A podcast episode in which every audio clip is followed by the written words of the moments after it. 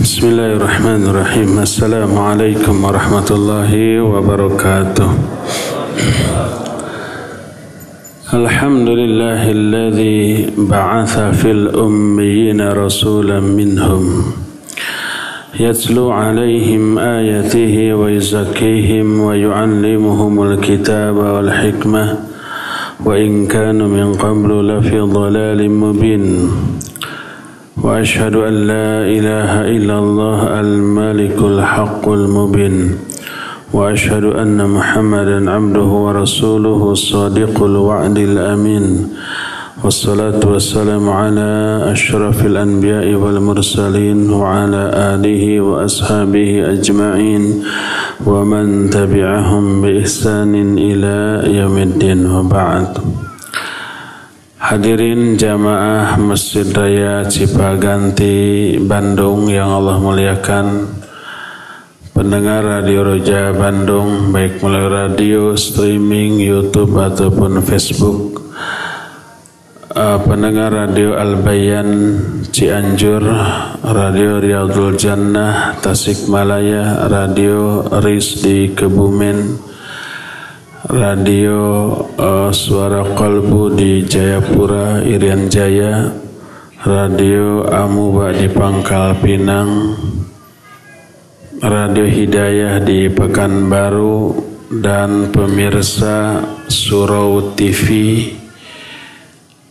di mana saja Anda berada. Biasanya Surau TV satu paket dengan Radio Ray Padang ya di Padang atau radio-radio lain yang juga ikut merilai siaran kini ini. Alhamdulillah pagi menjelang siang ini kita kembali berjumpa untuk melanjutkan tentang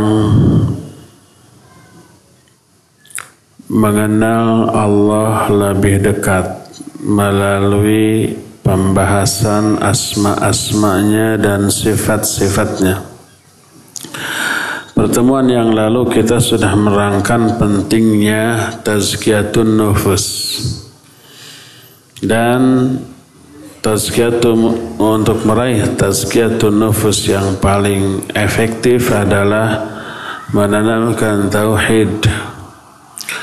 Untuk menanamkan tauhid, cara yang terbaik yang terbenar adalah membahas asma-asma dan sifat-sifatnya. Kita sudah bahas penjelasan semua poin tadi secara detail dalam pertemuan-pertemuan yang lalu. Di akhir pertemuan yang lalu kita janjikan klasifikasi atau penggolongan orang dalam beribadah kepada Allah yang berkaitan dengan amalan hati ini. Manusia dalam hal beribadah kepada Allah ada tiga golongan. Golongan manusia ini dikemukakan oleh Imam Ibn Qayyim dalam kitab Al-Fawaid.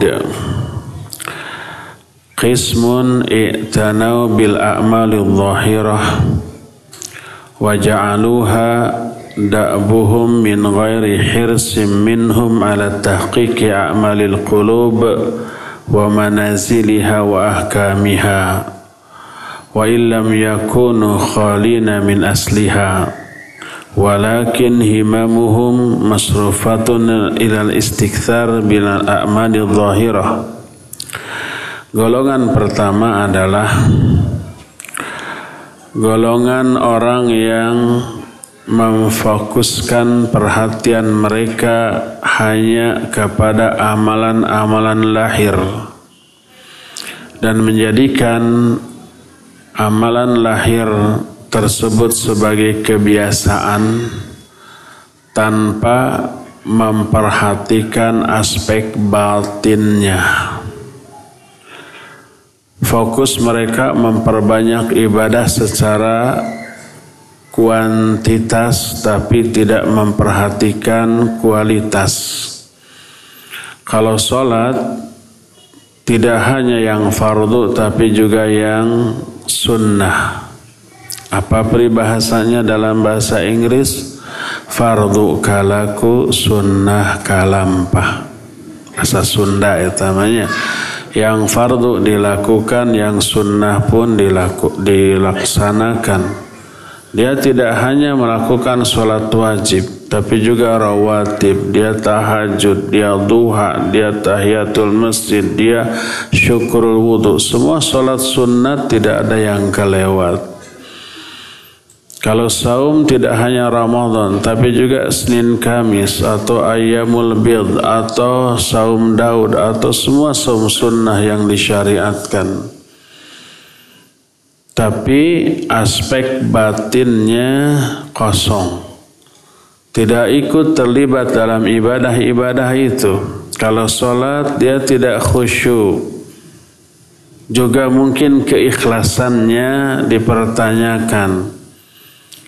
Dia menjauhi yang haram, termasuk juga yang makruh. Dia tidak mau mendengarkan perkara-perkara yang haram. Tidak mau mendengarkan gibah tidak mau mendengarkan orang bernamimah, tidak mau mendengarkan musik dan nyanyian. Jauh dari itu, itu amanan lahirnya amat sangat dijaga. Tapi sekali lagi aspek batinnya yang kosong. Ah, orang seperti ini berbahaya. Apa bahayanya? Bahayanya akan muncul ketakaburan akan muncul kesombongan, akan muncul sikap ujub dengan seluruh ibadah yang dilakukannya. Dikhawatirkan seperti iblis laknatullahi alaih. Seperti ya, bukan iblis. Iblis sebelum dilaknat dia seorang ahli ibadah. Dengan kuantitas ibadah yang luar biasa hebat. Banyak sampai dimuliakan oleh Allah. Kata Imam Al-Qurtubi sampai-sampai iblis itu diangkat dari dunia ke langit dan di, di, di melakukan ibadah di langit selama 80 ribu tahun dimuliakan oleh Allah SWT muncullah takabur muncullah sombong muncullah ujub atas ibadah yang dilakukannya. Takaburnya tidak ada yang mengetahui kecuali Allah Azza wa Jalla. Dan Allah membongkar ketakaburan iblis dengan diciptakannya Adam dari tanah. Setelah diciptakan disuruhlah iblis untuk sujud. Disuruhlah malaikat untuk sujud. Ketika malaikat yang selama itu ibadahnya tulus ikhlas berkualitas tidak hanya kuantitas ketika datang perintah Allah sujud kepada Adam langsung sujud. Tapi iblis yang di dalam hatinya ada takabur enggan wa idh qulna lil malaikati isjudu li adama fasajadu illa iblis aba wastakbara wa kana minal kafirin ingat ketika kami berkata kepada para malaikat sujud kalian kepada Adam Malaikat semua sujud kecuali iblis. Dia enggan dan dia takabur, dia termasuk golongan kafir. Kita juga Jumat yang lalu. Dua Jumat lalu Jumat lalu membahas Al-Iqsam Allah Bersumpah atas nama Allah. Maknanya Bersumpah dengan menyebut nama Allah Mengatasnamakan Allah Untuk memfonis sesama manusia Dengan fonis yang hanya menjadi milik Allah. Dia ahli ibadah kawannya ahli maksiat. Pas ketemu lagi bermaksiat kemudian ditegur ittaqillah waqsir. Takutlah kamu kepada Allah. Kurangi hentikan maksiatmu. Kawannya cuma mengatakan khalini wa rabbi biar ini urusan aku dengan Allah. Tiga kali kejadian itu berlangsung Orang yang ditegur kesel lalu berkata Abu Isa ya raqiba. Apa kamu diutus untuk mengawasi aku untuk memata-matai aku? Dikata-katai demikian ahli ibadah ini kemudian emosi marah lalu berkata wallahi la yaghfirallahu lak demi Allah Allah tidak akan mengampuni dosa kamu. Urusan mengampuni dosa itu hak siapa? Hak Allah. Dia rampas dengan mengatasnamakan Allah. Lancang mengatasnamakan Allah memfonis dengan fonis yang hanya menjadi hak Allah. Dan ini wujud kesombongan sikap ujub dan takabur di akhirat orang itu dipanggil Man dzalladzi yata'alla 'alayya annani la aghfiru li fulan qad ghafartu lah wa ahbattu amalak. Siapa yang berani bersumpah mengatasnamakan diriku bahwa aku tidak akan mengampuni si fulan. Aku ampuni si fulan dan aku batalkan amal-amal kamu. Ibadah ahli ibadah tadi dibatalkan. Karena apa? Karena ibadahnya melahirkan ujub takabur. Menunjukkan kalau ibadah melahirkan ujub dan takabur itu ibadah keliru itu ibadah salah. Itu ibadah ditolak oleh Allah karena ibadah yang diterima mah harus melahirkan apa? ketawaduan, kerendahan hati, ya. Nah, ini bahaya dari orang yang hanya fokus kepada amalan lahir tapi kosong dari amalan batin.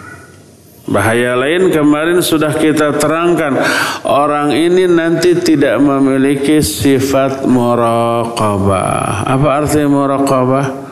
Merasa diawasi. Di hadapan orang banyak giat beribadah, jaim.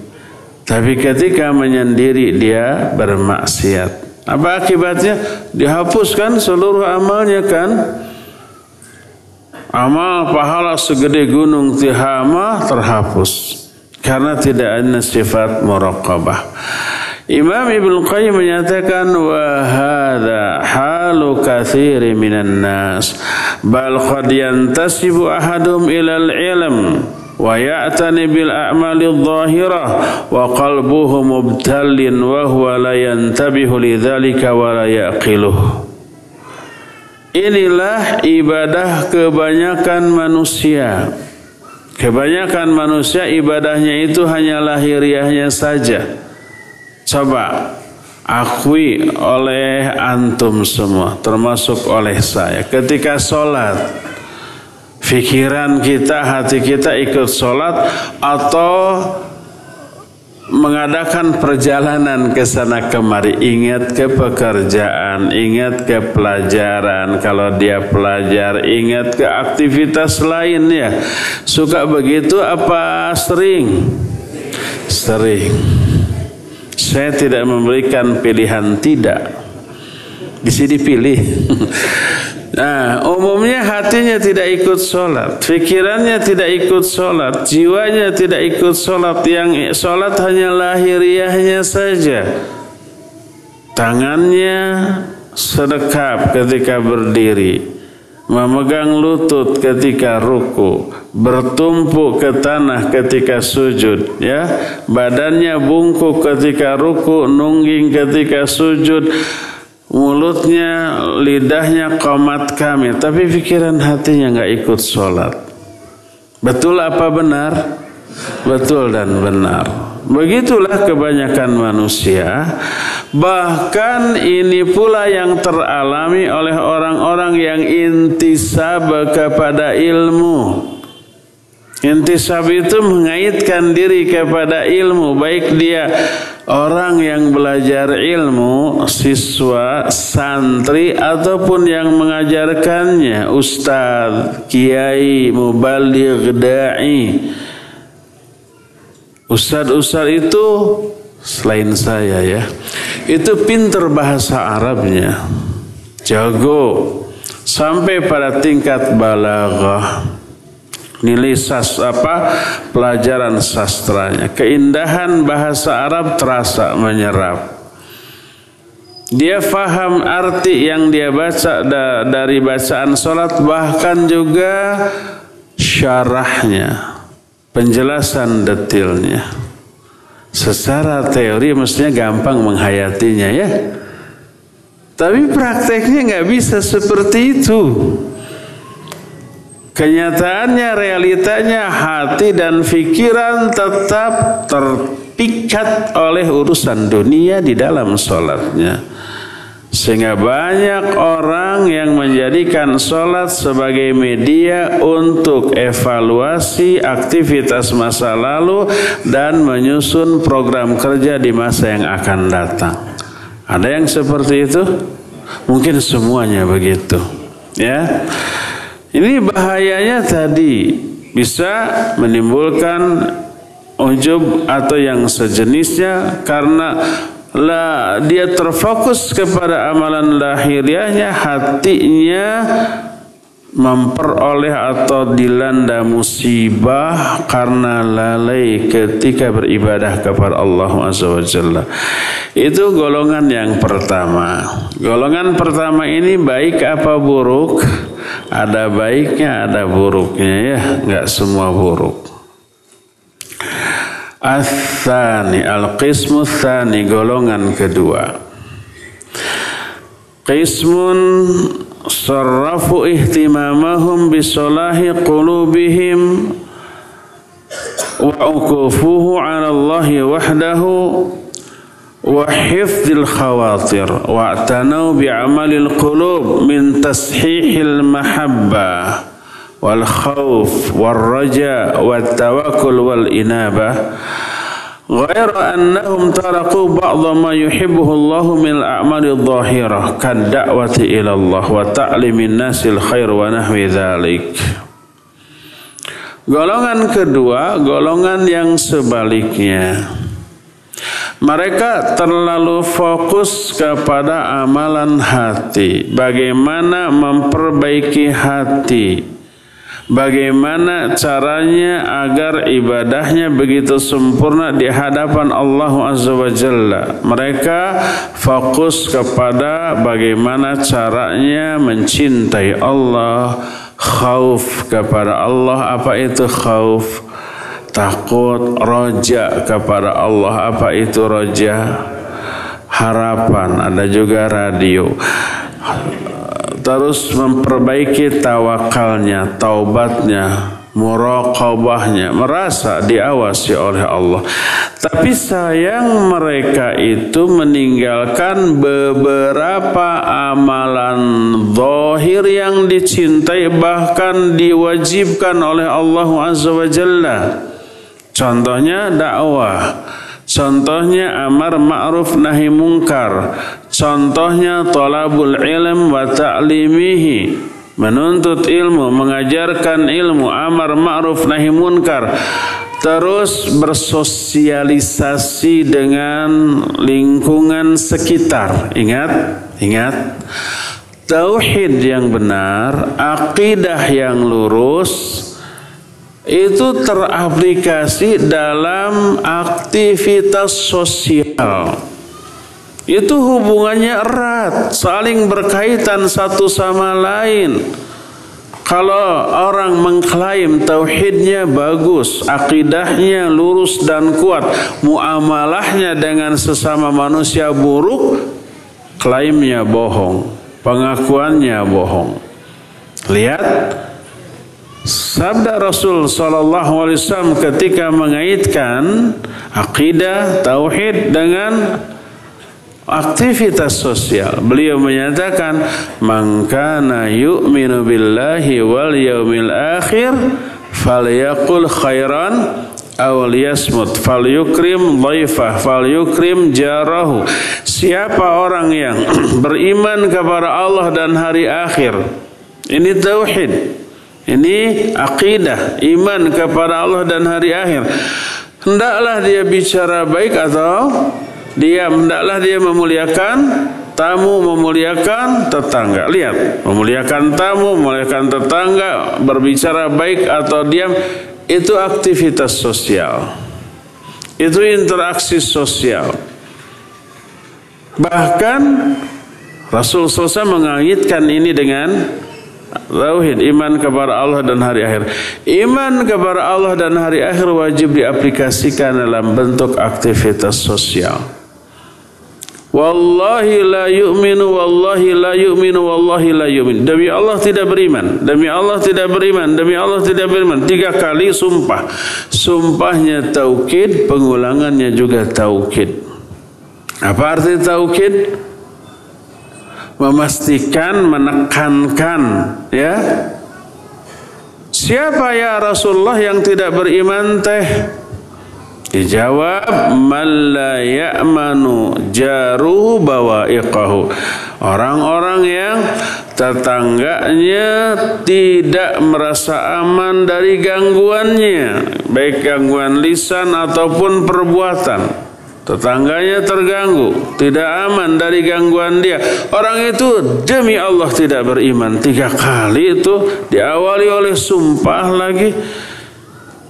Jadi iman Wajib diaplikasikan dalam bentuk aktivitas sosial. Nggak boleh ganggu tetangga. Nggak boleh mengganggu orang lain. Sekalipun tetangganya kafir, Yahudi, Nasrani, bahkan ateis umpamanya. ya Diganggu itu. Ateis, kafir, musyrik, tetangga kita punya hak di, sebagai tetangga yang wajib dimuliakan. Hak sesama muslim tidak ada karena dia bukan muslim. Tapi hak sebagai tetangga walaupun kafir dia punya, dia dapat. Nggak boleh diganggu tuh. Nah, mengganggu tetangga oleh Nabi dikaitkan dengan tidak adanya iman. Maka siapa yang aku beriman tapi dia cuek. Bahasa Indianya har-har baik. Bahasa Sunda kene hare-hare baik cuek tidak ambil peduli kepada urusan sosial, pengakuan imannya bohong. Ya. Maka orang ini memahami dan mengaplikasikan Islam secara parsial. Sebagian saja hanya aspek batin tidak memperhatikan aspek lahir.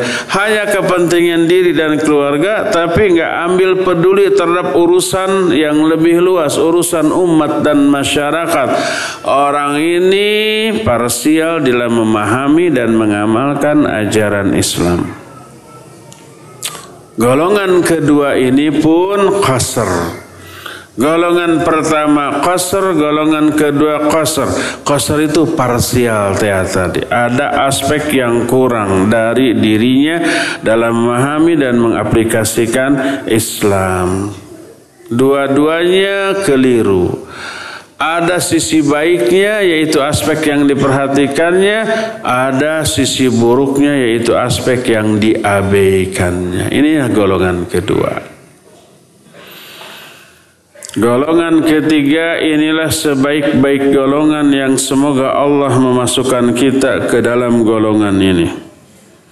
Wa qismun tawassatu fa'tanau bi a'malil qulub kama tanau aidan bil a'malil zahirah ghaira anna lil amalil qalb indahum fadla.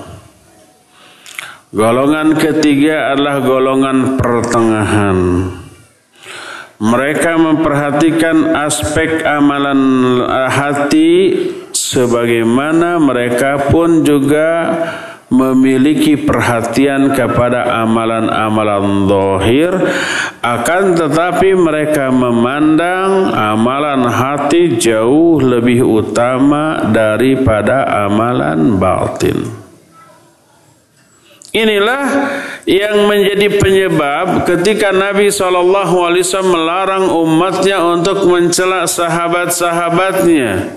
La tasubbu ashabi walau anna li ahadihim li ahadikum anfaqa mithla uhud mithla uhudin dhahaban ma balagha mudda amalihi wala nasifah Kata Nabi SAW, jangan kalian mencela sahabat-sahabatku. Karena demi Allah, seandainya salah seorang di antara kalian menginfakkan emas sebesar gunung Uhud, kalau diuangkan triliunan, diinfakkan, disodakohkan seluruh orang fakir miskin se-Indonesia, kebagi semuanya tuh Walaupun sasemplek ewang, sasemplek itu patahkan dikit dibagi. Bisa dijual jutaan ya walaupun cuma sasemplek, uh, satu semplek. Satu apa? Uh, satu potong. Itu beberapa puluh gram. Satu gramnya berapa? 500 sekarang? Anggaplah 20-30 gram. Lumayan 15 juta ya. Oh, itu manfaatnya luar biasa besar. Emas sebesar gunung Uhud. Manfaatnya gede, nilainya gede, pahalnya gede.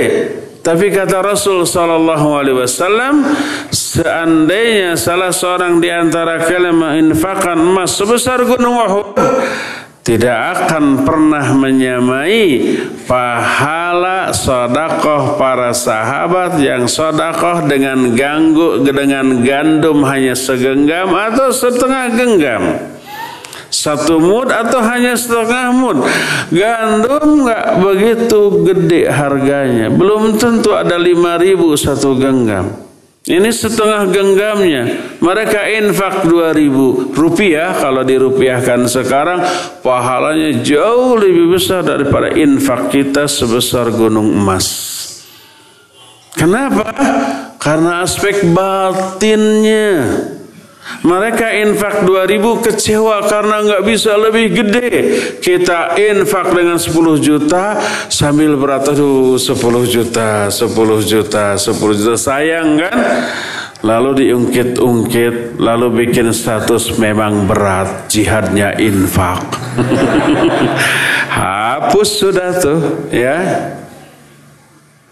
Jadi Amalan hati luar biasa menjadi fondasi bagi amalan lahir. Kedua-duanya harus dipadukan, tapi fokus kepada amalan batin harus jauh lebih hebat dan lebih intensif daripada amalan lahir. Berkata Imam Ibn Qayyim, "Fahaula humul ladzina waqqafahumullah fajama'u baina ubudiyatil zahir wa ubudiyatil batin wa hadha tariqus sabiqin al-arifin." Inilah kelompok orang-orang yang telah diberi taufik oleh Allah. Mereka memadukan antara ibadah zahir dan ibadah batin dan inilah jalan hidup as-sabiqin al-arifin. Manusia ya, kaum muslimin ini kaum muslimin ketika menerima warisan dari Allah Azza wa Jalla berupa kitab Al-Quran thumma awrathna al-kitab alladhina astafayna min ibadina faminhum zalimun li nafsih wa minhum muqtasidun wa minhum sabiqun bil khairat biiznillah kemudian kami wariskan kitab Al-Quran ini kepada hamba-hamba pilihan kami. Itu kaum muslimin. Yang dimaksud kitab ini adalah Al-Quran. Yang dimaksud hamba-hamba pilihan kami ini adalah kaum muslimin. Kaum muslimin. Lalu faminhum zalimun li nafsih. Di antara kaum muslimin yang menerima warisan kitab ada yang zalim kepada diri sendiri mereka mengabaikannya. Wa minhum muqtasidun di antara mereka ada yang muqtasid, pertengahan simpel. Mereka hanya mengambil yang wajib, mengabaikan yang sunnah. Dosa apa tidak? Tidak, tidak dosa. Meninggalkan yang sunnah dosa apa tidak? Tidak dosa. Wa minhum sabiqun bil khairat biiznillah. Di antara mereka ada yang berlomba-lomba dalam kebaikan. Nah, sebagian ulama menyatakan ini yang fardu kalaku sunnah kalampa. Tidak hanya yang wajib tapi juga yang sunnah. Tidak hanya aspek zahir tapi juga aspek batin. Tiga golongan manusia di dunia ketika menerima kitab Al-Quran. Tiga golongan inilah yang kata Syekhul Islam diterangkan oleh Allah dalam kitab eh dalam surah Al-Waqi'ah. Ketika kiamat terjadi, idza waqa'atil waqi'ah dan seterusnya wa kuntum azwajan ثلاثة فأصحاب اليمين ما أصحاب اليمين وأصحاب الشمال ما أصحاب الشمال والسابقون السابقون أولئك المقربون في جنات النعيم ثلة من الأولين وقليل من الآخرين Lalu nanti pada hari kiamat wa kuntum azwajan thalatha kalian terbagi kepada tiga kelompok. Pertama ashabul yamin. Ma ashabul yamin betapa bahagianya ashabul yamin. Ashabul yamin itu yang muktasid tadi. Yang hanya fokus amalan wajib tapi mengabaikan amalan sunnah. Ashabul yamin ahli surga apa ahli neraka?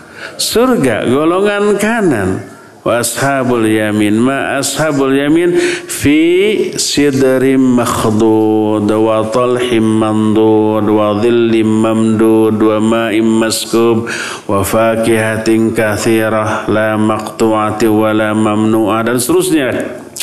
Itu golongan kanan. Semoga minimal minimal nih kita masuk golongan kanan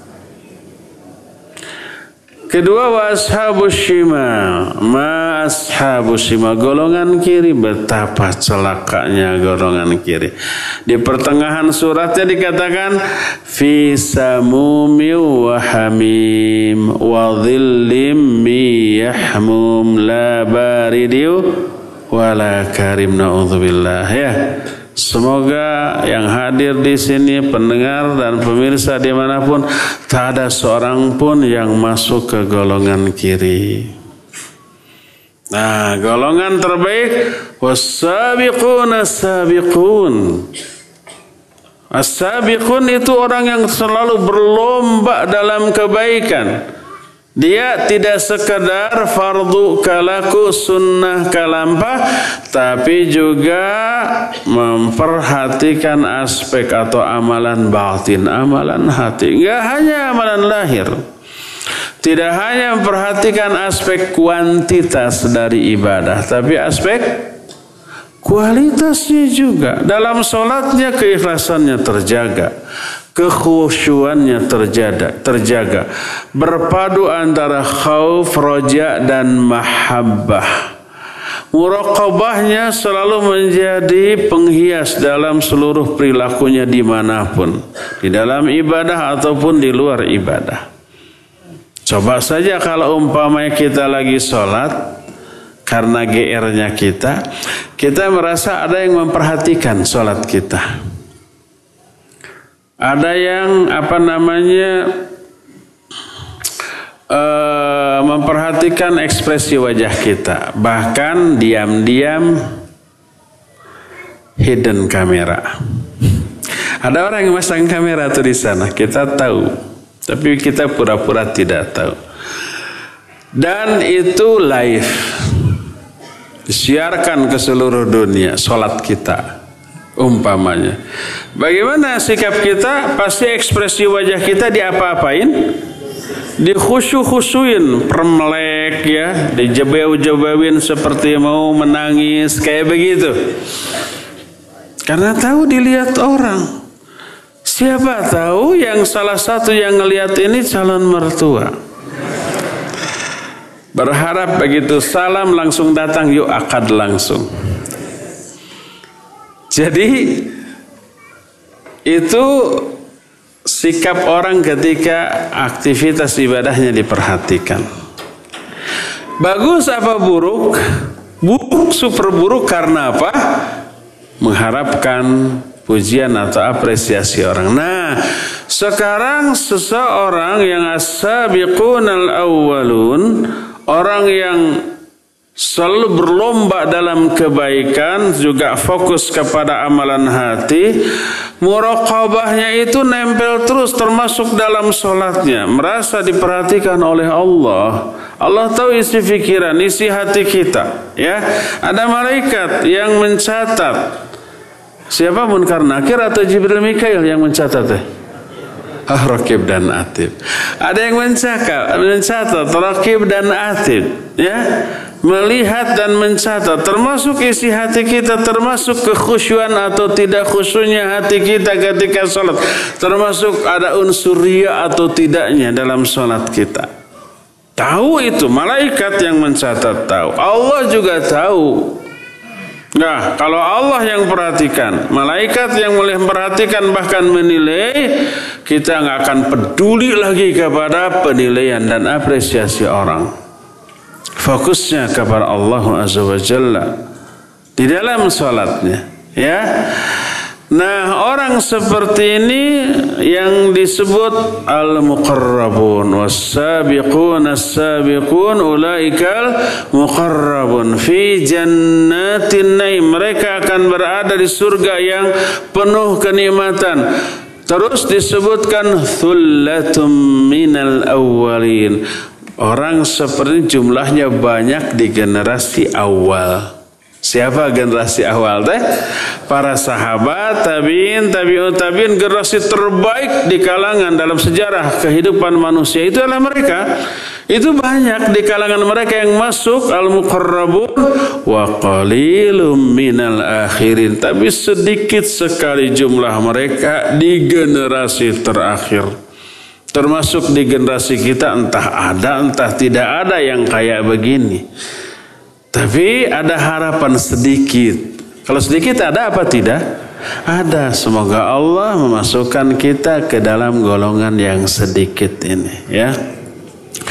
Itulah tiga golongan manusia dalam beribadah kepada Allah yang terkait dengan amalan hati. Coba identifikasi diri kita. Dari tiga golongan tadi masuk golongan manakah kita? Satu masuk apa tidak? Kadang masuk. Dua masuk apa tidak? Kadang juga. Tidak. Uh, tiga masuk apa tidak? Ah tidak ini makanya. Masih ada kesempatan memperbaiki diri? Masih ya. Semoga Allah memberi hidayah kepada kita untuk bisa masuk ke dalam golongan ketiga. Yang barusan sekadar mukaddimah dari bahasan inti kita hari ini. Poin berikutnya yang kita ingin bahas turukul turukul wusul ila ta'abbud bil asma'i was sifat. Cara agar bisa beribadah kepada Allah dengan isi kandungan asma dan sifat. Asma dan sifat Allah maknanya ya Bagaimana cara mengaplikasikan asma dan sifat Allah dalam hal ibadah? Jalan menuju Allah itu amat sangat banyak. Peribahasa mengatakan banyak jalan menuju Mekah. Jangan Roma, ngapain ke Roma? Banyak jalan menuju Mekah. Makna banyak jalan artinya jenis-jenis amalannya tapi realnya atau fondasinya atau aturannya satu. Tidak bisa menggunakan aturan-aturan lain. Tapi jenis-jenis amalan itu amat sangat banyak, ya. Tapi di antara jenis-jenis itu terfokus kepada empat jenis pokok. Apa sajakah jalan untuk mengaplikasikan asma dan sifat Allah dalam beribadah kepada Allah itu terfokus kepada empat poin pokok. Apa sajakah? Pertama, at-tariqul awal. Jalan yang pertama adalah at-ta'ammulu fil asma'i was sifat wa fahmu ma'aniha wa tadabburu fiha. Pertama memperhatikan asma dan sifat Allah memahami makna yang terkandung di dalamnya dan menghayati isinya baru diaplikasikan jadi ada tiga poin tuh perhatikan nama-nama dan sifat-sifat Allah dipelajari fahami maknanya yakini isinya aplikasikan dalam ibadah yang dilakukannya Inilah yang diisyaratkan oleh Nabi Shallallahu Alaihi Wasallam dalam salah satu hadis yang muttafaqun alaih. Diriwayatkan oleh Imam Bukhari dan Imam Muslim dalam Sahih Bukhari dan Sahih Muslim. Bersabda Nabi alaihi salatu wasalam, "Inna lillahi tis'atan wa tis'ina isman." mi'atun illa wahida man ahsaha dakhalal jannah sesungguhnya Allah memiliki 99 nama 100 kurang satu yang Siapa saja yang mengihso kepada 99 nama ini Allah akan masukkan dia ke dalam surga pasti dia masuk surga. Yang menyatakan pastinya bukan saya ya. Tapi Rasul Sallallahu Alaihi Wasallam dalam hadis Sahih riwayat Bukhari dan Muslim yang didasarkan pada wahyu. Beliau berbicara berdasarkan wahyu. Wa ma yantiqu anil hawa in huwa illa wahyuha. Ustaz ini sotoy berani memastikan orang masuk ke dalam surga. Ada yang komen begitu tuh. Karena apa? Dia nggak perhatian. yang ada dengki lihat mana yang bisa ditembak. Nah ini tembak nggak memperhatikan penjelasannya. Jadi kata Nabi SAW sesungguhnya di antara nama-nama Allah ada 99 nama. Berarti nama Allah banyak. Tidak ada yang tahu kecuali Allah. Saking banyaknya. Nanti ditunjang dengan hadis yang lain yang sahih riwayat Imam Muslim tentang hal itu, tentang banyaknya nama-nama Allah. Tapi di antara sekian banyak nama-nama Allah, ada 99 nama. Siapa yang mengihsa kepada 99 nama ini dia masuk surga. Saya tidak menerjemahkan dulu makna ihsa. Sebab ihsa bukan menghafalkan. Banyak orang yang salah paham siapa yang menghafalkannya dia masuk surga. Akhirnya berlomba-lomba menghafalkan, cari kaset nasyid Asmaul Husna. Dan diapalkan. Dilagukan, kalau nggak dilagukan nggak akan hafal. Tiap hari Asmaul Husna. Nah, sampai hafal molotok. Sekarang sebut Asmaul Husna tanpa dilagukan. Hafal nggak? Belum tentu hafal ya. Apa menghafalkan Asmaul Husna yang 99 bagus apa tidak? Bagus, bagus. Cuma tidak cukup sampai di sana, ya.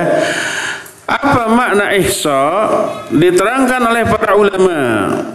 Wa ihsaul asma innama yakunu bi ihsa'i al-fadhiha wa adadiha wa tafahumi ma'aniha wa madlulatiha wa bidu'ai biha binaw'aini du'a du'ail mas'alah wa thana wa du'ai ta'abbud ini yang lengkap makna ihsa mengihsa kepada nama-nama Allah hanyalah dengan cara pertama memelihara lafaz-lafaznya iya menghafalkan nama dari Asmaul Husna tadi juga jumlahnya memahami maknanya dan kandungan isinya. Umpamanya Allah itu sami apa artinya sami? Maha mendengar itu arti lalu apa kandungan makna yang terkandung atau konsekuensi itu ada nanti kita jelaskan ya jadi ihsa pertama memelihara lafaznya. dan jumlahnya. Kedua memahami maknanya dan isi kandungannya. Ketiga berdoa dengannya dengan isi asmaul husna dengan dua jenis doa. Doa ada dua jenis. Pertama disebut doa masalah wasana. Doa masalah wasana Maknanya doa yang isinya permintaan dan pujian. Sanjungan kepada Allah. Ya Allah beri saya rezeki. Itu doa masalah. Masalah itu artinya minta. Ya. Ya Allah beri saya jodoh. Doa apa itu? Masalah juga. Karena isinya apa? Minta. Ya. Kedua doa ta'abbud atau doa ibadah. Makna doa ibadah itu adalah berdoa dengan bahasa tubuh. Seluruh ibadah yang kita lakukan apa apa pun bentuk ibadah itu walaupun tidak ada yang isinya permintaan itu pada hakikatnya berdoa. Contoh saum. Kita menahan diri lapar, haus, syahwat selama saum sejak mulai fajar sampai maghrib. Selama saumnya kita tidak berdoa, tidak minta jodoh, tidak minta surga, tidak minta perlindungan dari api neraka, tidak minta ampunan karena Allah merintahkan saum tahan uh, diri dari makanan, dari minuman, dari syahwat sudah itu kita lakukan sampai maghrib. Walaupun tidak ada permintaan apa pun secara lisan selama kita saum, tapi saumnya itu sendiri sudah merupakan doa sudah merupakan permintaan dengan bahasa tubuh melalui saum dalam bentuk saum. Apa yang dia minta dengan saumnya? Minta semua yang Allah janjikan bagi orang yang saum. Orang yang saum dijanjikan ampunan, ya enggak? Mang, apa? Man qama man soma ramadhana imanan wa ihtisaban ghufira lahu mata qaddama min dhambi siapa orang yang saum Ramadan dengan iman dan ihtisab akan diampuni dosanya yang telah lalu ketika ada orang yang saum dengan saumnya dia meminta agar dosanya diampuni apalagikah ya jelas pahala ya Apalagikah minta agar dijauhkan dari api neraka karena Rasul sallallahu alaihi wasallam menyatakan asyamu junnatun yastajinnu bihil amdu minan nar. Saum itu perisai, seorang hamba melindungi dirinya dengan perisai itu dari api neraka. Man soma yauman fi sabilillah. Siapa orang yang saum sehari saja di jalan Allah, Allah akan jauhkan antara dia dengan neraka seperti dijauhkannya langit dengan bumi. Jadi saumnya berarti meminta apa? Dijauhkan dari api neraka. Itu doa ibadah. Berdoa kepada Allah, meminta kepada Allah tidak dengan lisan tapi dalam bentuk melakukan ibadah. Apalagi minta agar masuk surga datang seorang sahabat ya Rasulullah dullani ala amalin adkhulu bihil jannah ya Rasulullah tunjukkan kepada satu kepadaku satu amalan yang menyebabkan aku masuk surga. Kata Nabi SAW, fa'alaika bisyam la. Kalau gitu kamu harus saum. Saum itu amalan yang tidak ada bandingannya bisa masukkanmu ke dalam surga. Maka walaupun mulut tertutup, Orang yang saum selama saumnya sama dengan meminta Ya Allah ampuni dosaku. Ya Allah limpahkan pahala kepadaku. Ya Allah selamatkan lindungi aku Jauhkan aku dari api neraka. Ya Allah masukkan aku ke dalam surga.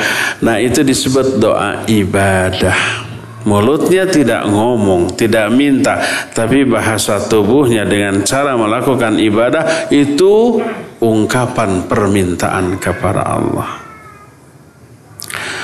Apa yang kita lakukan sekarang ngaji, kita sedang berdoa ini teh. Tapi doanya bukan oleh mulut, bukan oleh lisan, tapi dengan bahasa tubuh. Datang, duduk, mendengarkan.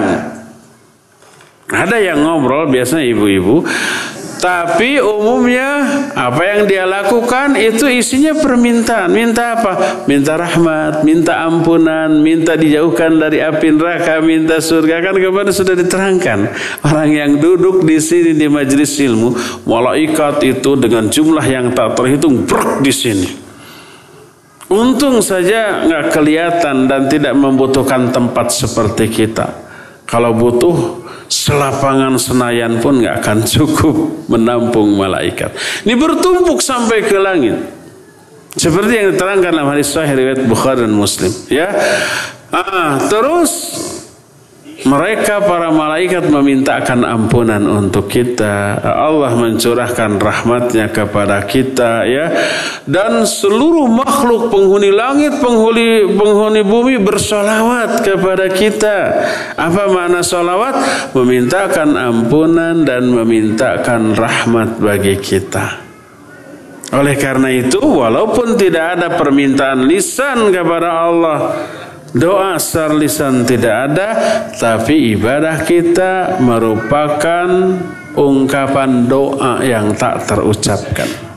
Inilah yang disebut dengan doa ibadah. Seluruh ibadah kebaikan apa pun bentuknya, intinya itu doa kepada Allah.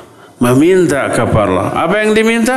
Semua yang Allah janjikan untuk amalan yang dilakukan oleh orang tersebut. Tergantung amalannya. Nah jadi doa ada dua macam. Pertama doa apa? Masalah. Meminta secara lisan. Yang kedua doa ibadah. Karena apa? Karena ibadah itu merupakan permintaan dengan bahasa tubuh kita kepada Allah SWT.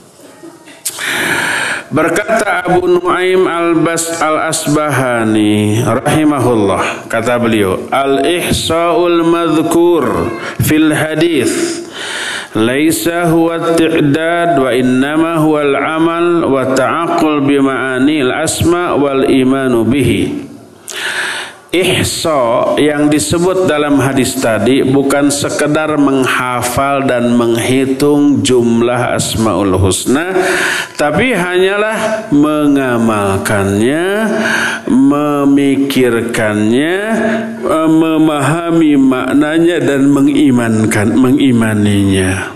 Walaupun tidak hafal nggak masalah. Yang penting faham yakin dan mengaplikasikan dalam seluruh aspek kehidupan Sebaliknya kalau hanya hafal tapi nggak paham isinya, nggak meyakini isinya, amalnya bertolak belakang dengan isinya, ya percuma, ya.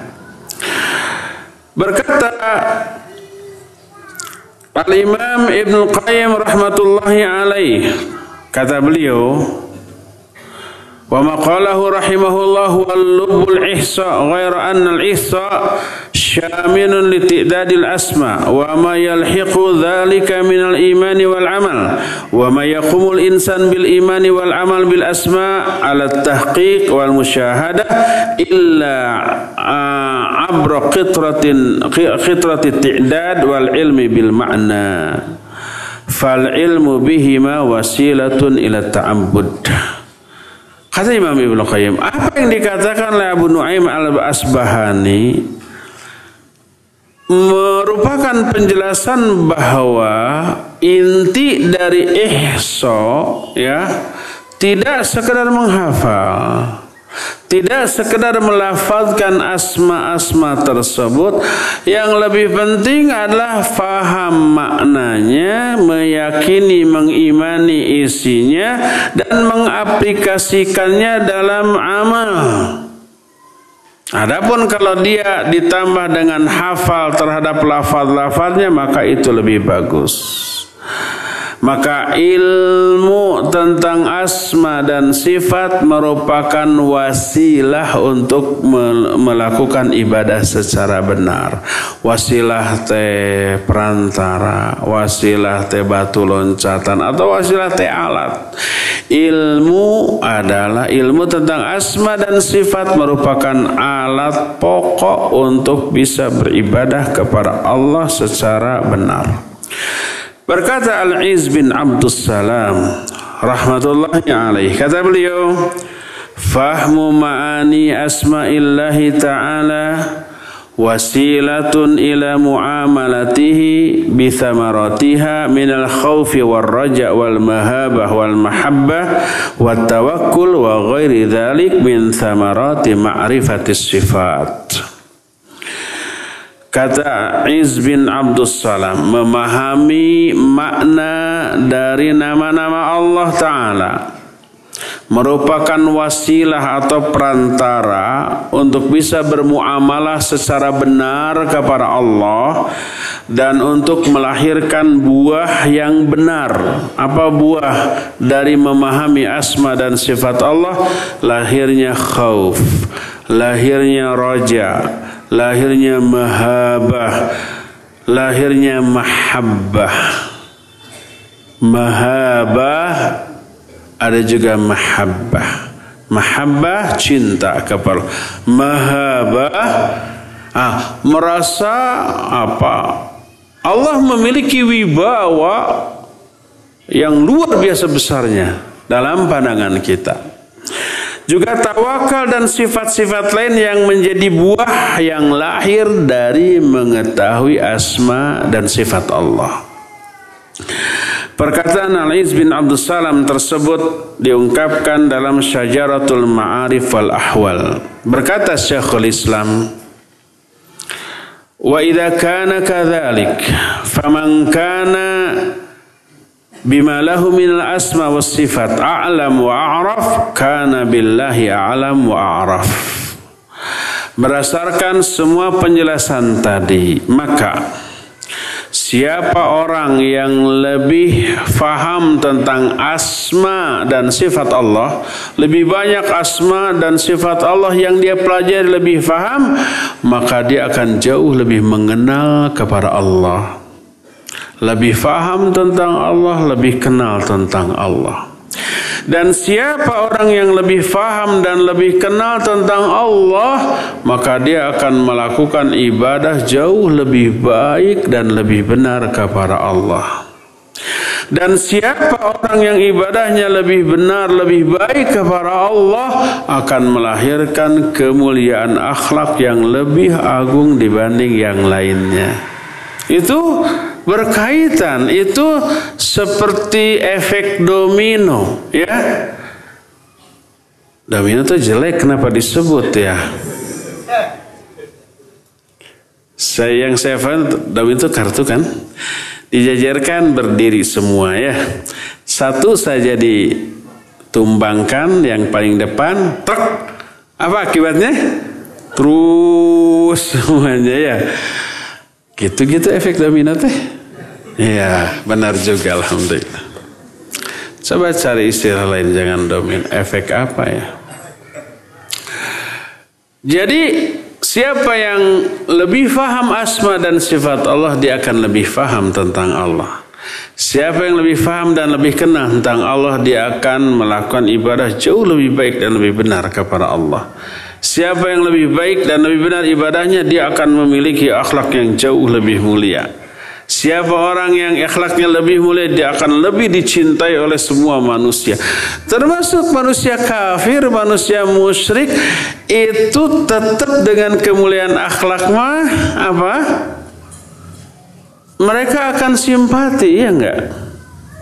mereka akan suka dan akan senang dengan kemuliaan akhlak yang dilakukan oleh siapa pun ya. Dari sanalah kita mengetahui bahwa ihsa terhadap nama dan sifat Allah tidak sekedar hafal tapi yang lebih penting faham maknanya meyakini isinya mengaplikasikannya dalam seluruh bentuk ibadah yang dilakukannya nah. Coba perhatikan kalimat terakhir yang dikemukakan oleh Imam Ibn Qayyim dalam kitab Al-Fawaid. Kata beliau, "Wa inna likulli ismin min asma'illah asraran 'azimah wa wa ma'aniya badi'ah yutli yutli Allahu ma syaa minha ala man syaa min ibadih." Setiap masing-masing dari nama-nama Allah memiliki rahasia yang agung, makna yang mendalam, yang Allah ajarkan beberapa poin kepada beberapa hamba yang dikehendakinya. Setiap satu nama maknanya mendalam dan rahasianya agung ini yang kita akan gali. Ya, berkata Abu Ismail Abdullah bin Muhammad Al Ansari, kata dia, fi kulli ismin min asma'illahi ta'ala sirrun khafiyun. Di dalam setiap masing-masing nama dari nama-nama Allah ada rahasia yang tersembunyi. Rahasia ini bisa diketahui apa tidak? Oleh orang awam, oleh orang umum tidak. Tapi oleh orang-orang tertentu bisa diketahui. Coba, ada yang tahu tentang rahasia, sebuah sebuah rahasia, ada yang tahu? Ada minimal satu dua orang. Kalau nggak ada orang yang tahu bukan rahasia lagi atau itu mah. Nggak tahu aja semua. Saya tahu tentang satu hal. Apa? Rahasia. Ada yang tahu tentang rahasia ini? Siapa? Saya. Saya tahu ini. Tapi rahasia. Apa dong kasih tahu? Enggak, bayar dulu. Jadi setiap nama Allah ada rahasia yang tersembunyi. Bisa diketahui? Bisa kepada tanya kepada orang yang mengetahuinya. Siapa yang mengetahuinya? Pertama Rasul sallallahu alaihi berdasarkan wahyu, kemudian oleh Rasul diajarkan kepada sahabat-sahabatnya, oleh sahabatnya kepada para ulama. Zaman bahula ini sudah tidak menjadi rahasia lagi, tapi rahasia umum. Banyak orang tahu karena ihtimam atau perhatian mereka kepada Islam, kepada akhirat sangat fokus 100%. Ketika umat Islam berkembang, menguasai hampir separuh dunia, kemudian kekayaan dunia begitu melimpah, mulailah mereka lalai memperhatikan aspek akhirat. Sehingga hal-hal yang tadinya menjadi rahasia umum menjadi rahasia khusus. Hanya orang-orang tertentu yang faham dan tahu. Hanya orang yang fokus mempelajari Quran dan Sunnah dengan cara yang benar yang tahu. Dan orang seperti super jarang. Apalagi di zaman sekarang ya. Inilah yang kita akan bahas sebagai salah satu contoh. At-ta'amul fi asma'illahil jabbar. Nah ini Memperhatikan salah satu nama Allah adalah Al-Jabbar Bukan matematika nih Salah satu nama Allah apa? Al-Jabbar Orang yang tahu makna Al-Jabbar dia akan memilih seabrek sifat agung efek dari pemahaman dia tentang makna Al-Jabbar ini kita akan bahas makna Al-Jabbar. Pembahasan itu selasa depan. Sekarang mas sudah hampir satu setengah jam, ibarat gelas sudah apa? Sudah luber ya. Cukup sampai di sini dan kita masih punya sisa waktu untuk bertanya jawab. Wassalamualaikum ala nabiyina Muhammadin wa. Iya, mangga Pak Mulyono. Kalau bertanya nggak ada hadiah. Saya mau bertanya masalah yang tadi orang seseorang yang bukan memprotes orang lain, tapi dia dulu mempunyai ilmu. Nah setelah dia tuh mengkasih seperti ini, dia, dia langsung bertobat, gimana tidak? Sekian, assalamualaikum warahmatullahi wabarakatuh. Waalaikumsalam warahmatullahi wabarakatuh. Ya, ada pertanyaan dari Orang tua saya, Pak Mulyono, berapa usianya? Masih muda, baru 74 tahun.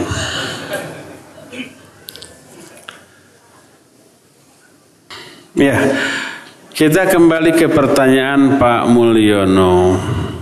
Tadi dikatakan tidak boleh kita memfonis orang lain dengan vonis yang hanya menjadi hak Allah. Seperti demi Allah, Allah tidak akan masukkanmu ke surga, tidak akan mengampuni dosamu dan yang sejenisnya. Pertanyaan, kalau kita pernah demikian karena ketidaktahuan, karena waktu itu belum ngaji, ya ibadah merajin, makanya berani memfonis orang lain. Tapi kurang ilmu.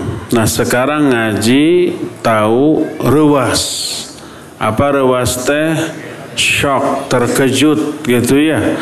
Kaget, aduh saya sudah melakukan dosa besar. Lalu tobat.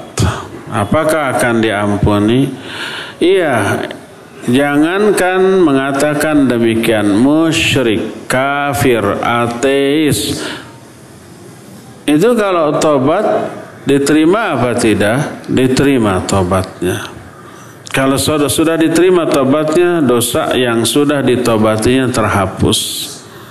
Tidak akan ada lagi di catatan, tidak akan ada lagi hisab untuk itu dan tidak akan lagi ada azab karena dosa tersebut karena dosanya sudah ditobati sudah dihapus seluruhnya ya jadi kalau sudah tobat insya Allah tidak akan mengalami nasib seperti yang diceritakan dalam hadis tadi. Orang yang diceritakan dalam hadis tadi sampai akhirnya tidak tobat dan merasa benar dengan kesalahan yang dilakukannya. Wallahu alam. Jelas Pak ya. Perihal syarah, apakah setiap ayat Quran dan hadis itu harus disyarah, ditafsir oleh salafus soleh untuk memahaminya? Ya iya, ada memang ayat yang muhkam. Makna muhkam itu jelas, gamblang. Orang awam pun tahu maknanya tanpa harus dijelaskan secara detail. Seperti kutiba alaikumus siam telah diwajibkan bagi kamu saum. Orang awam pun tahu saum wajib. Yang kemudian mana saumnya diterangkan menahan lapar, haus dan syahwat sejak mulai fajar sampai maghrib. Seperti itu ya. Tapi banyak ayat yang bila difahami tanpa ilmu bisa salah faham, bisa keliru, bisa melenceng jauh dari maksud yang diinginkan oleh Allah dan Rasulnya. Maka wajib mengupasnya dengan ilmu yang memadai. Di saat kita merasa belum memiliki ilmu itu jangan coba-coba. Wajib merujuk kepada orang yang berilmu ya. Man qala fi kitabillahi bi ra'yihi. Siapa orang yang berbicara tentang kitab Allah dengan ra'yu, dengan otak, dengan akal tanpa ilmu ya, falyatabawa maq'adahu minan nar. Siap-siap menempati tempat duduk di dalam neraka.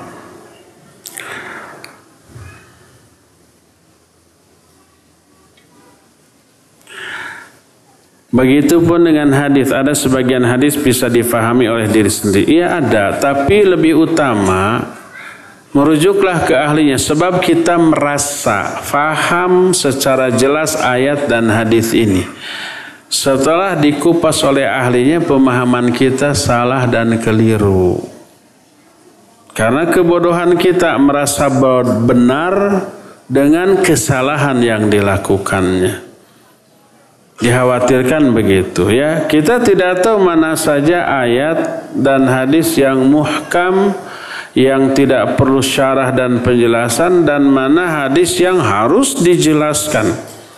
Kita nggak tahu, nggak bisa memilah dan memilih.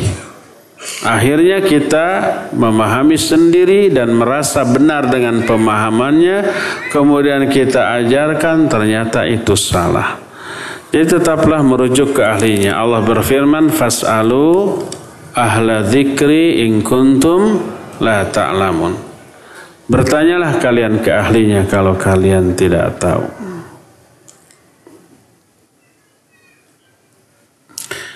Bagaimana jika ada suami yang mendoakan keburukan terhadap istrinya karena dalam kondisi emosi seperti berdoa supaya amal ibadah istri tidak diterima.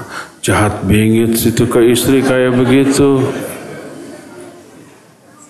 Istri itu manusia yang paling harus disayangi, dicintai, diperhatikan, dan diinginkan kebaikan. Didoakan kebaikan. Kalau istrinya jahat, istrinya tidak taat, doakan kebaikan. Ya Allah beri hidayah agar istri saya solihah dan taat kepada saya agar kami bisa berkumpul lagi di surga. Jangan sampai oh, ya Allah istri saya jahat ya. Masukkan dia ke dalam neraka umpamanya ya. Tolak semua ibadahnya. Efeknya tahu nggak? Efeknya balik lagi ke dia. Kalau ibadah-ibadah istrinya ditolak, tidak diterima oleh Allah, Efeknya istrinya akan tambah jahat, tambah durhaka, tambah menentang, tambah nusyuz kepada suami. Efek dari tolaknya ibadah adalah keburukan akhlak. Mau nggak istrinya tambah jahat? Enggak. Dia ingin istrinya jadi baik, jadi solihah. Maka doakan kebaikan. Adapun bukan mendoakan tapi mengingatkan umi, ibu atau derling atau bebek atau yang lain lah ya. Bebek itu ahli ibadah, tahajud nggak pernah lewat, saum rajin, baca Quran sehari tamat satu juz. Sayang loh kalau sampai durhaka ke suami. Sayang loh kalau ibadah tadi itu semuanya ditolak. Nah itu mengingatkan ya. Kalau mendoakan biar nggak diterima tuh tahajudnya. Itu bahaya. Bahayanya juga ke suami. Nanti istrinya akan bertambah buruk akhlaknya. Doakan kebaikan ya. Istri tersebut sakit hati karena didoakan keburukan tadinya dengan membalas tidak melayani kebutuhan biologi suami selama enam bulan berjalan. Aduh, ini bahaya. Kebutuhan biologis itu ibarat makan dan minum. Kalau seorang di rumahnya nggak nggak diberi makan, nggak diberi minum, dia kelaparan dan kehausan. Kalau sudah kelaparan, kelah kehausan, pergi keluar, lihat air comberan seperti cendol. Menggiurkan. Bahaya itu. Ya. Kalau sampai suaminya terjerumus dalam dosa maksiat. Karena tidak dilayani oleh istrinya, istrinya memiliki saham terhadap dosa yang dilakukan oleh suaminya. Gak boleh yang seperti itu ya. Nah, kalau istri tambah-tambah tidak mau melayani kebutuhan biologi suami, suaminya akan tambah marah, akhirnya hubungannya akan tambah apa? Renggang. Ingat, kesediaan istri melayani kebutuhan biologis dari suaminya itu cara yang paling efektif, paling efisien untuk mencairkan suasana hubungan yang kaku, yang beku. Setelah berhubungan bisa akrab lagi, mesra lagi, romantis lagi, bebek-bebepan lagi. Jadi perbaiki hubungan demi kepentingan bersama. Jangan ikuti kata hati, emosi, gengsi. Jangan, Ish, gengsi dia yang salah. Kenapa saya harus duluan minta maaf? Dia dong. Dan kalau dia minta maaf, maaf juga harus berlutut. Nah itu pak gengsi-gengsi dua-duanya nggak pernah ada akur. Jadi tujuannya apa? Ingin saling mempertahankan gengsi pribadi atau ingin menciptakan suasana rumah tangga yang samawa? Kalau ingin menciptakan rumah tangga yang samara, samara samawa beda, tetap sama ya. Sakinah, mawadah warahmah Coba buang rasa sombong, rasa gengsi, rasa malu dalam diri kita. Siapa yang lebih dahulu bersikap meminta maaf lunak walaupun dia tidak bersalah, dia yang paling mulia. Dia yang paling besar pahalanya. Dia yang paling dicintai oleh Allah Azza wa Jalla ya. Kalau ada dua muslim yang bermusuhan yang terbaik di antara mereka adalah yang pertama kali mengucapkan salam itu dengan orang lain. Terlebih antara suami dengan istri. Siapa yang lebih dahulu membuka jalan untuk lebih mesra lagi, dia akan gede pahala. Buang gengsi, jangan. Nih, gengsi ini tadi lahir karena terlalu fokus kepada ibadah apa? Lohir, aspek batinnya kosong melompong. Akhirnya gitu tuh disakiti sedikit sama orang, uh sakit hatinya itu sampai menjerit-jerit ya, sakit bingit gitu, ya. Karena dia merasa mulia, lalu oleh orang dihinakan, uh sakit. Jangan merasa diri menjadi orang yang mulia. Di hadapan Allah kita semua hina. Kita dimuliakan, dihormati orang bukan karena kita benar-benar mulia, tapi karena begitu sempurnanya Allah dalam menutup aib dan kesalahan kita. Yang bila Allah bongkar aib kita, tak ada seorang pun yang mau tersenyum kepada kita. Semua akan menghinakan kita. Oleh karena itu buang gengsi kepada siapa pun, terutama kepada pasangan, kepada istri ataupun kepada suami kitalah yang harus lebih dahulu membuka pintu perdamaian, membuka pintu islah ya. Apa yang harus dilakukan suami karena istri sudah tidak bisa melayani suami dan memberikan uzur untuk menikah lagi. Ah, udahlah nikah aja.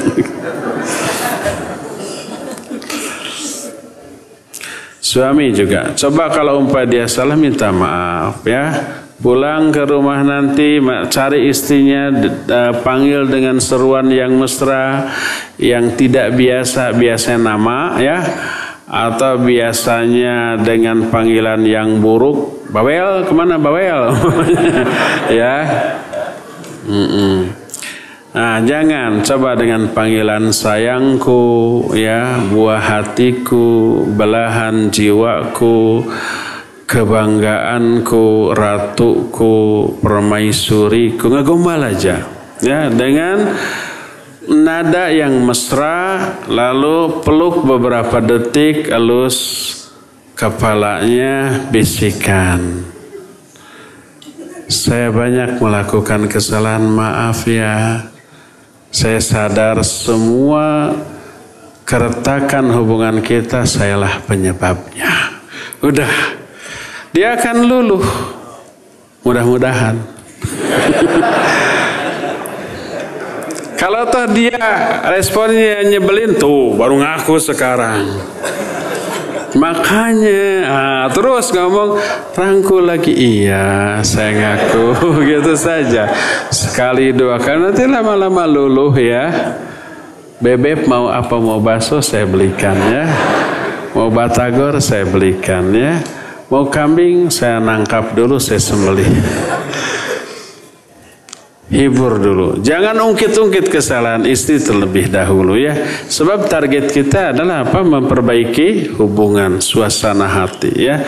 Efeknya ke anak loh.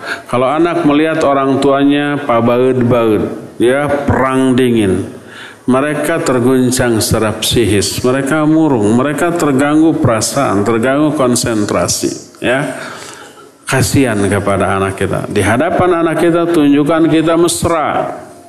Kita ini senang, bahagia. Kita ini akrab, layet gitu ya.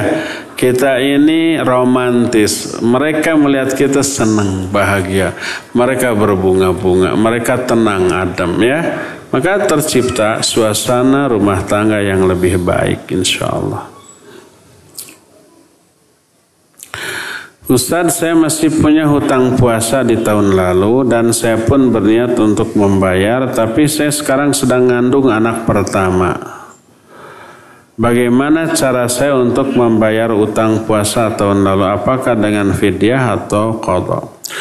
Berarti kalau ini anak pertama dulu eh, hutangnya pasti karena haid ya atau sakit bukan karena mengandung ya karena ini anak pertama. Kalau penyebabnya sakit atau haid maka wajib diqadha. Kapan? Lebih cepat lebih baik, ya.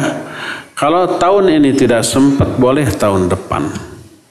Boleh tahun depannya lagi kalau tahun depan hamil lagi umpamanya.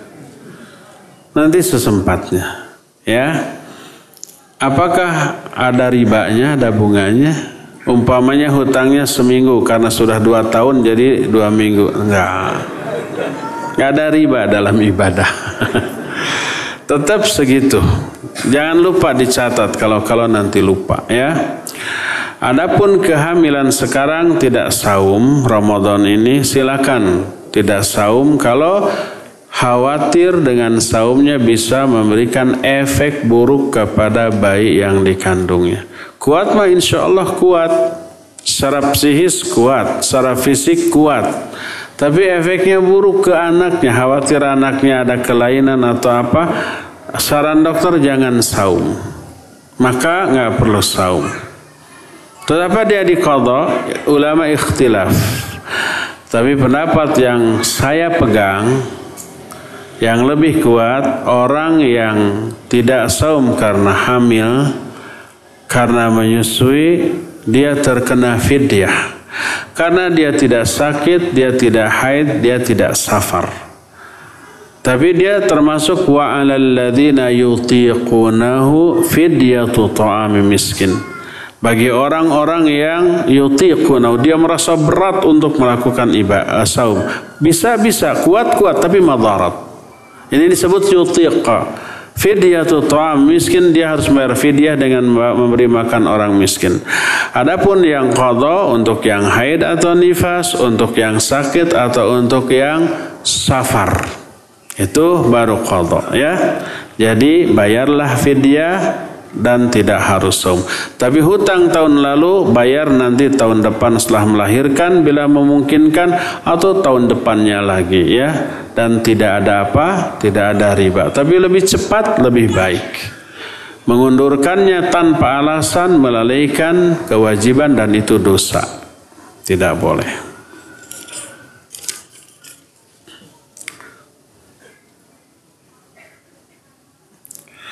Bagaimana kedudukan doa dari ibu atau orang tua yang telah kafir? Telah kafir berarti sebelumnya Islam terus murtad gitu. Kalau telah gitu kan ya? Ya, anggaplah demikian. Bagaimana kalau orang tua kafir mendoakan keburukan bagi siapa? Anaknya. Apa kena apa tidak? Kalau doa keburukan itu karena kesalahan anak, ya kena. Umpah anaknya durhaka, menyakiti hatinya atau fisik orang tua. Orang tua merasa sakit hati lalu mendoakan keburukan, itu bisa kena. Tapi kalau karena sentimen agama, umpah kita sholat, umpah anaknya ini wanita pakai jilbab, orang tuanya nggak setuju, nggak suka, lalu mendoakan keburukan, biar ketabrak becak di jalan kalau kamu nggak buka kerudung. Ah, itu mah jangan digubris ya. Insya Allah tidak akan dikabul oleh Allah Azza wa.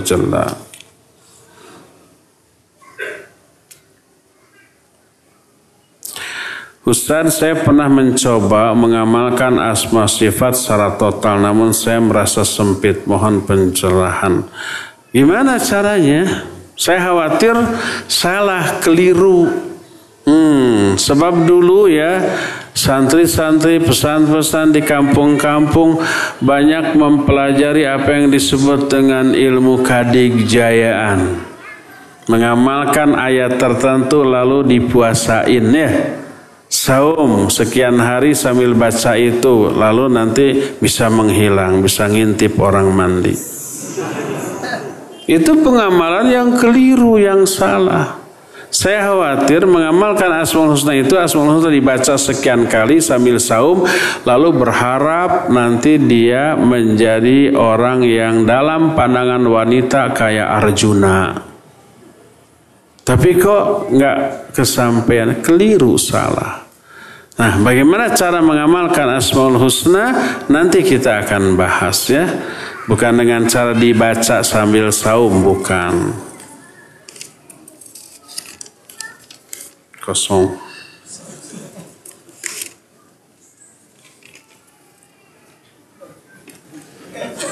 Iya kosong. Siapa tahu ada tulisan gaib.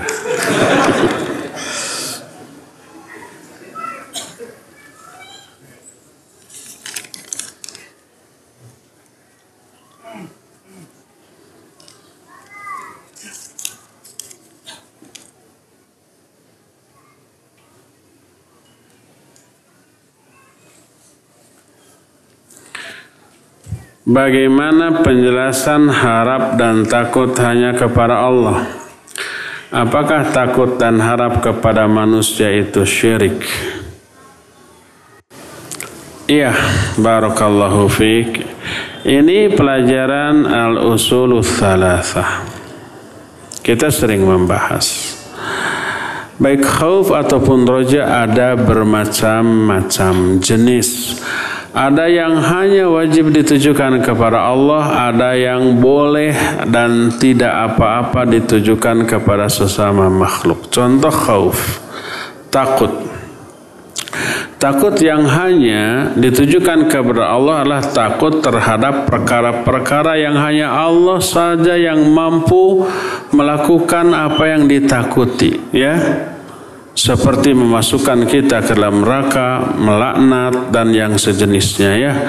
Adapun takut terhadap sesuatu yang sifatnya manusiawi, tobi'i, alami itu boleh dan tidak tidak ada kaitan dengan tauhid. Contoh takut kepada ular, takut kepada singa, takut kesetrum, takut kepada orang jahat karena nyata-nyata jahatnya. Boleh.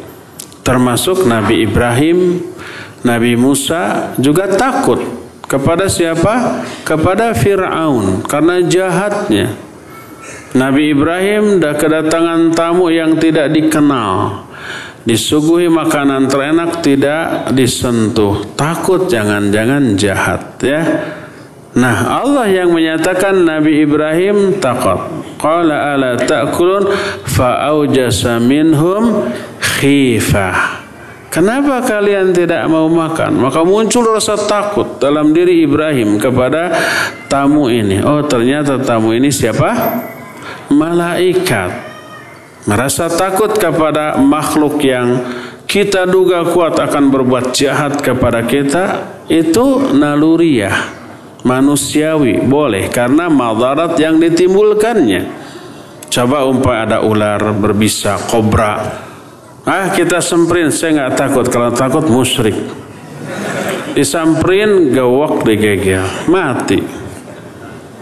Nyata nggak bahaya dari ular kobra? Iya nyata, bisa digigit, bisa mati kita dengan racunnya. Lalu karena itulah kita takut. Boleh, itu disebutlah takut tabii, nggak apa-apa. Nih ada umpamanya kabel yang tidak yang yang terkelupas di pembungkusnya, kelihatan kawatnya, ada arusnya nih. Eh, jangan disentuh ke Oh, saya nggak takut kecuali kepada Allah. Musyrik takut kepada kabel dipegang red gosong. Jadi dibolehkan takut yang seperti itu ya. Nanti rinciannya dengar kajian hari Selasa pagi di radio ya. Sekarang masih membahas hisab dan jaza.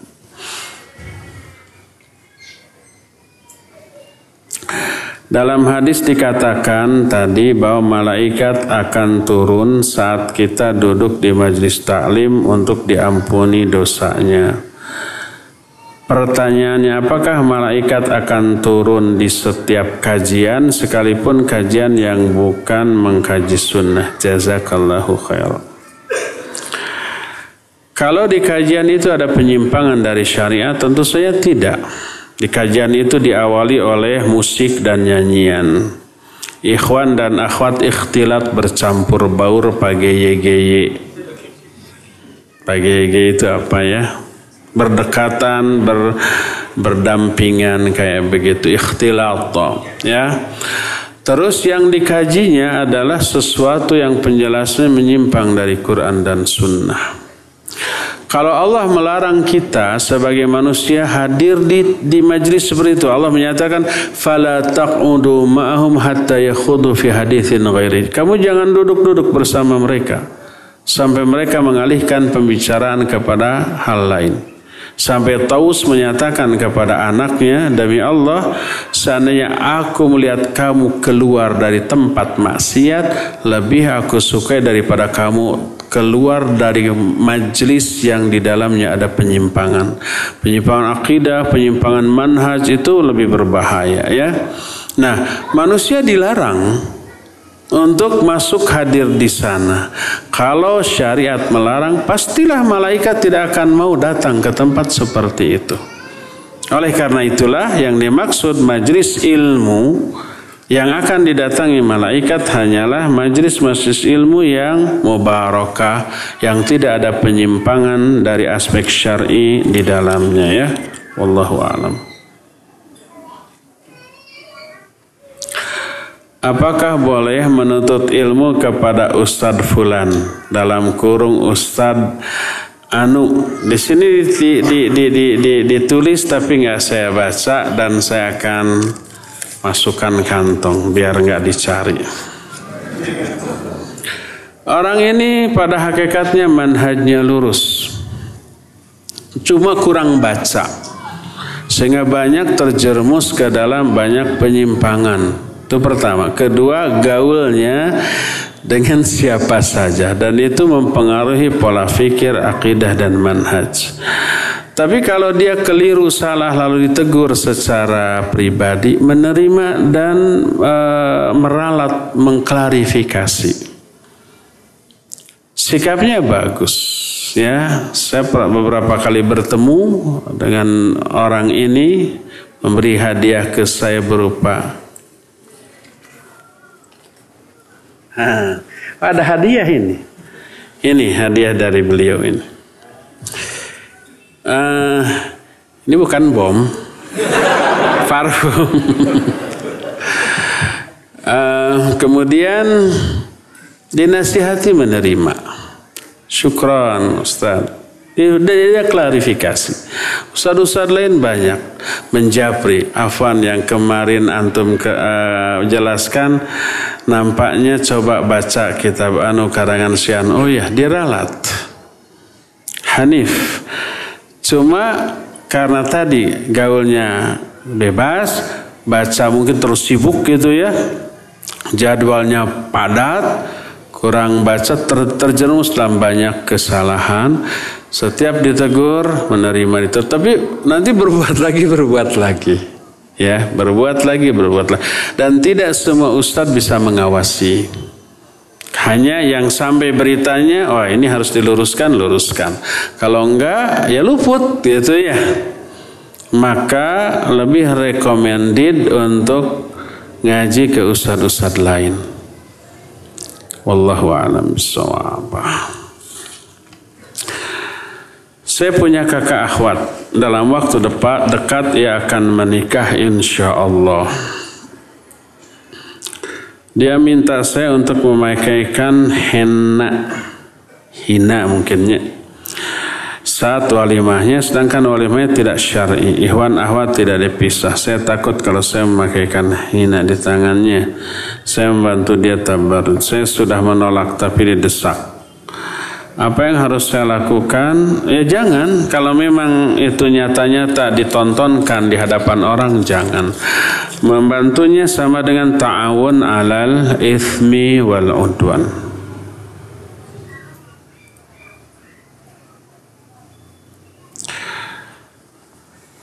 Saya pernah baca hadis yang menganjurkan sholat isya di pertengahan malam. Lalu Rasulullah bersabda, sungguh ini waktu sholat isya yang tepat sekiranya tidak memberatkan umatku. Apakah hadis ini palsu, lemah atau sahih? Hadis ini sahih. Riwayat Imam Muslim dalam kitab Sahih Muslim.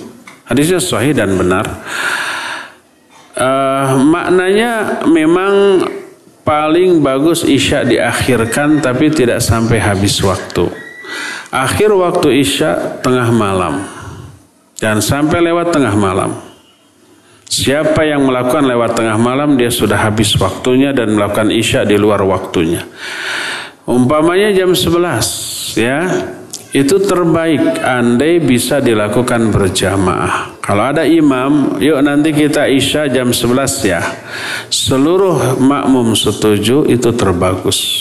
Tapi kalau mau bilang, wah setengah 11 mas sudah di alam mimpi. Maka jangan ya mendahulukan mengutamakan sholat berjamaah itu lebih utama. Jadi kalau kita bisa berjamaah jam 11 malam sholat isya itu terbagus. Tapi bila ada jamaah di awal waktu dan kita jam 11 sendirian maka ambil berjamaah di awal waktu.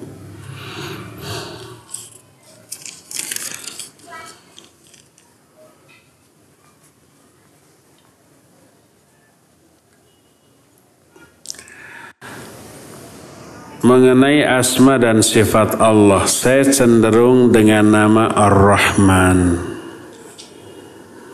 Kan dalam Quran dan hadis begitu dominan nama Ar-Rahman disebut. Apakah ada apa ini ada maksud uh, maksud ya dan kecenderungan Allah lebih menyukai disebut Ar-Rahman.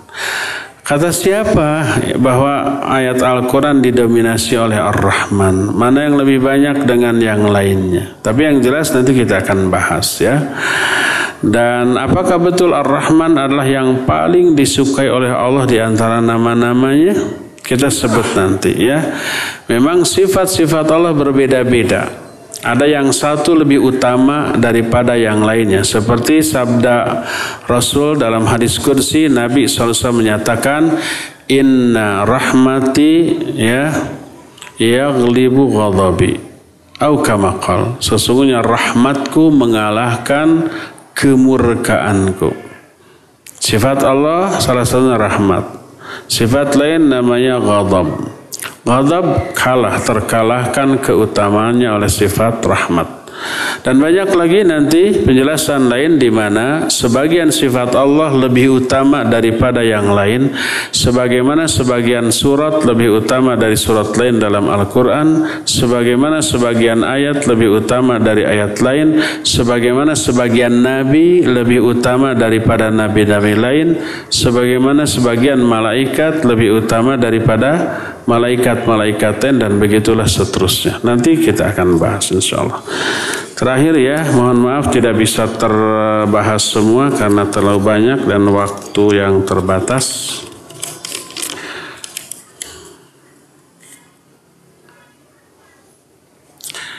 Assalamualaikum warahmatullahi wabarakatuh. Waalaikumsalam warahmatullahi wabarakatuh. Ustaz, saya mau menanyakan tentang istighatsah di sekolah anak saya mengadakan istighosah sebelum ujian nasional apa hukum istighosah ini makna istighosah adalah meminta pertolongan Bedanya dengan isti'anah, isti'anah juga minta pertolongan. Bedanya isti'anah adalah meminta pertolongan untuk meraih hal-hal yang baik. Bagaimana caranya? Caranya berdoa dengan cara umpamai Allahumma rizqni rizqan kathiran tayyib halalan tayyiban mubarakan fih. Ya Allah berikan saya rizki yang banyak, yang halal, yang penuh barokah dan seterusnya. Maka itu namanya isti'anah. Ya Allah tolong saya bantu saya cerdaskan saya dalam uh, menjawab soal-soal ujian besok itu isti'anah karena meminta sesuatu yang baik. Kalau istighatsah minta tolong dalam bentuk minta dijauhkan dari bahaya, dari musibah, dari hal-hal yang tidak disukai. Ya Allah hindarkan saya dari penyakit. Itu istighatsah. Ya Allah hindarkan saya dari uh, bencana alam. Itu istighatsah. Ya Allah hindarkan saya dari uh, musibah yang membahayakan, memadaratkan saya. Itu istighatsah. Jadi isti'anah dan istighatsah sama-sama minta tolong. Bedanya kalau istighatsah minta tolong agar diselamatkan dari hal-hal yang buruk. Kalau isti'anah minta agar diberikan hal-hal yang baik. Bentuknya apa? Bentuk amalannya berdoa, meminta pertolongan. Tidak diritualkan, tidak diupacarakan dengan ritual dan upacara tertentu ya. Nah, sekarang mau ujian nasional. Cocoknya isti'anah apa istighatsah? Isti'anah minta apa? Minta lulus. minta agar diberikan kemampuan menjawab soal.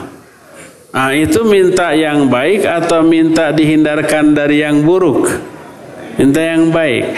Kecuali kalau ada orang yang ranking pertama dari bawah. Nilainya itu di bawah lima terus jadi pesimis saya belum tentu lulus. Akhirnya berdoa ya Allah hindarkan saya dari ketidaklulusan. Itu istianah apa istighosah? Istighosah karena minta dijauhkan dari keburukan. Tidak lulus buruk apa jelek? Buruk dan jelek. Jadi istighatsah. Jadi itulah istighatsah hanya dalam bentuk berdoa, tidak diritualkan, tidak diupacarakan, tidak diadakan acara yang ngumpul-ngumpul-ngumpul, kita istighatsah. Coba berdiri. Siapa yang mimpinnya Ustadz atau guru agama? Pak, ini pasnya isti'anah apa istighosah gitu.